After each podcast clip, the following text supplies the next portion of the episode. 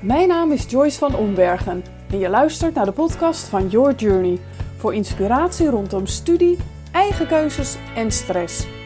In deze aflevering neem ik je mee op reis in mijn gedachten. Ik reflecteer op hoe je echt contact met elkaar kunt hebben, in deze bijzondere tijd natuurlijk, maar ook in het algemeen. En ik vertel wat over hoe je on- en offline met elkaar praat en wat er wezenlijk anders aan is. Ga er maar weer lekker voor zitten en luister hem vooral helemaal af, want aan het eind van de aflevering daag ik je uit om een bijzondere oefening te doen. Veel luisterplezier! In deze aflevering wil ik het met je gaan hebben over het belang van sociale contacten. En het afgelopen jaar, we leven nog steeds in het coronajaar, wat in het Spaans toch echt kroonjaar betekent, maar voor heel veel jongeren met name niet zo kan voelen merk ik dat het zo belangrijk is om ja, echt contact met elkaar te hebben. En dan bedoel ik echt contact van hart tot hart. Het contact waarbij je elkaar diep in de ogen kunt kijken en ja, de ander ziet. En dat dat af en toe heel lastig kan zijn, omdat je ja, in veel gevallen een, een mondkapje moet dragen. En daar valt natuurlijk een deel van je expressie al weg. Dus een hoop uh, mensen hebben al flink geoefend op het kunnen lachen met alleen hun ogen. Een kunst op zich, als je het mij vraagt. Uh, en ik zie jongeren dat ook doen. En elkaar ook knuffelen, zelfs met uh, mondkapje op. Gewoon om even dat contact te hebben. Om echt ja, de verbinding te voelen. En hoe belangrijk is dat? Ja, wat mij betreft heel belangrijk. Uiteindelijk zijn wij mensen ja, bedoeld om wezenlijk contact te hebben. Dus te weten dat je ertoe doet en dat de ander jou ziet en dat de ander blij wordt van jou als je in de buurt bent. En ja, dat is dit jaar natuurlijk af en toe gewoon ontzettend lastig.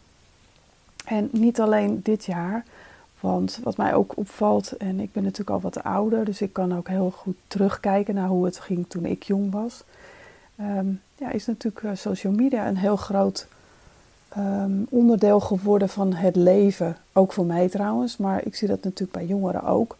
En waar ik vroeger nog de telefoon pakte om uh, vrienden te bellen, ja, om, maar dan ook echt om te bellen, zie ik nu jongeren ook contact hebben en met elkaar praten. Maar met praten wordt dan vaak bedoeld via WhatsApp praten of via social media praten.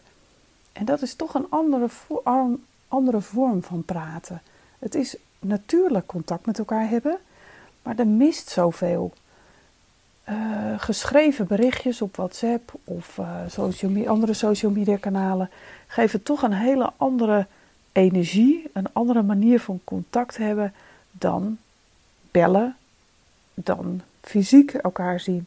Want dan heb je nog zoiets erbij als je stem, uh, je expressie, de manier waarop je beweegt.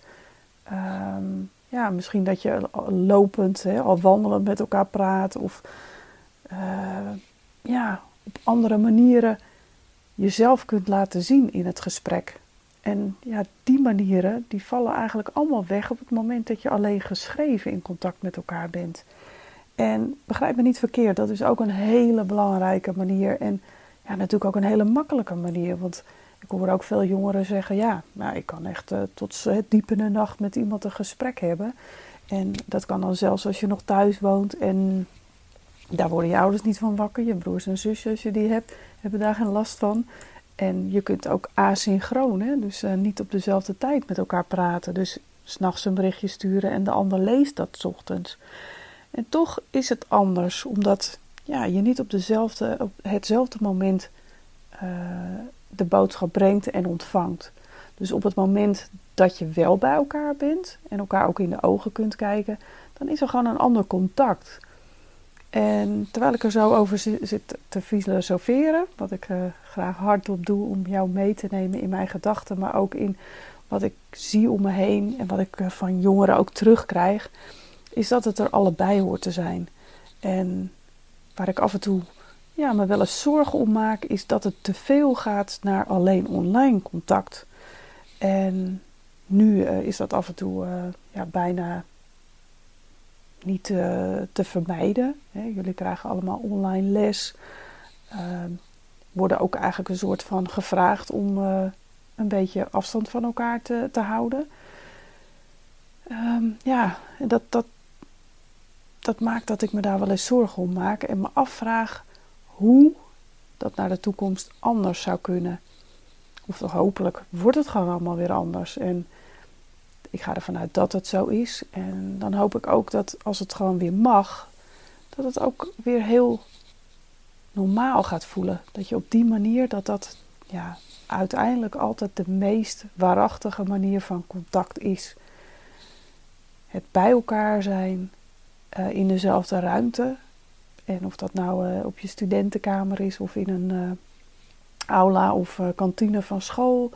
Of in het sportcomplex waar je sport. Of op het voetbalveld of waar je je ook bevindt met andere vrienden of met andere jongeren. Dat contact, dat is wat mij betreft het aller, aller, allerbelangrijkste. Omdat dat ook het, ja, het contact is waarin je jezelf leert kennen. Want op het moment dat je in contact met anderen bent en elkaar ook in de ogen kunt kijken, dan kun je elkaar spiegel ook zijn. En ze zeggen wel eens: ogen zijn de spiegels van de ziel. Dus misschien is dat wel een leuke om uh, voor vandaag mee af te sluiten. Dat is namelijk een oefening. Heb jij wel eens lang in de ogen van een vriend of vriendin gekeken? En ik weet uit ervaring dat dat heel spannend kan zijn. Want we hebben vaak wel contact. Maar als we bij elkaar zijn of tegenover elkaar zitten, dan kan het soms best wel awkward zijn als je te, ja, als je lang iemand aankijkt. En toch, als je dat aandurft, en al is het een minuut, hè, daag je uit om het langer te doen, maar gewoon tegenover elkaar gaan zitten en elkaar eens recht in de ogen gaan kijken en dan zonder te praten. En dan eens te kijken wat er ontstaat en wat er gebeurt. En vaak kan het in het begin een beetje ongemakkelijk voelen.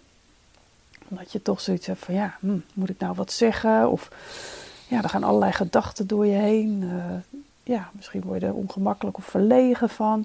Maar probeer daar eens bij te blijven, bij dat ongemakkelijke gevoel. En je echt te richten op eigenlijk wat er achter die ogen van de ander te voelen en te zien is. Want je kijkt echt letterlijk in een spiegel. Dus wat je bij de ander ziet of voelt, dat is heel vaak ook wat jij voelt of ziet. En ja, als je een beetje, als je vaker dit uh, doet en je, je traint jezelf erin, dan kun je eigenlijk ook ontdekken hoe de ander zich voelt. En ja, door alleen de ander al aan te kijken, kun jij dan al het verschil maken voor die ander. Nou, misschien vind je dit heel zweverig klinken of uh, ja, veel te eng. Dat kan. Uh, op het moment dat je denkt, hey, dit resoneert bij mij of ik ben er in ieder geval nieuwsgierig naar, dan nodig ik je uit om dat te oefenen en mij te laten weten hoe je het ervaren hebt. Ik wens je daar heel veel succes en vooral plezier bij. Stay in touch. Hiermee kom ik aan het eind van deze aflevering.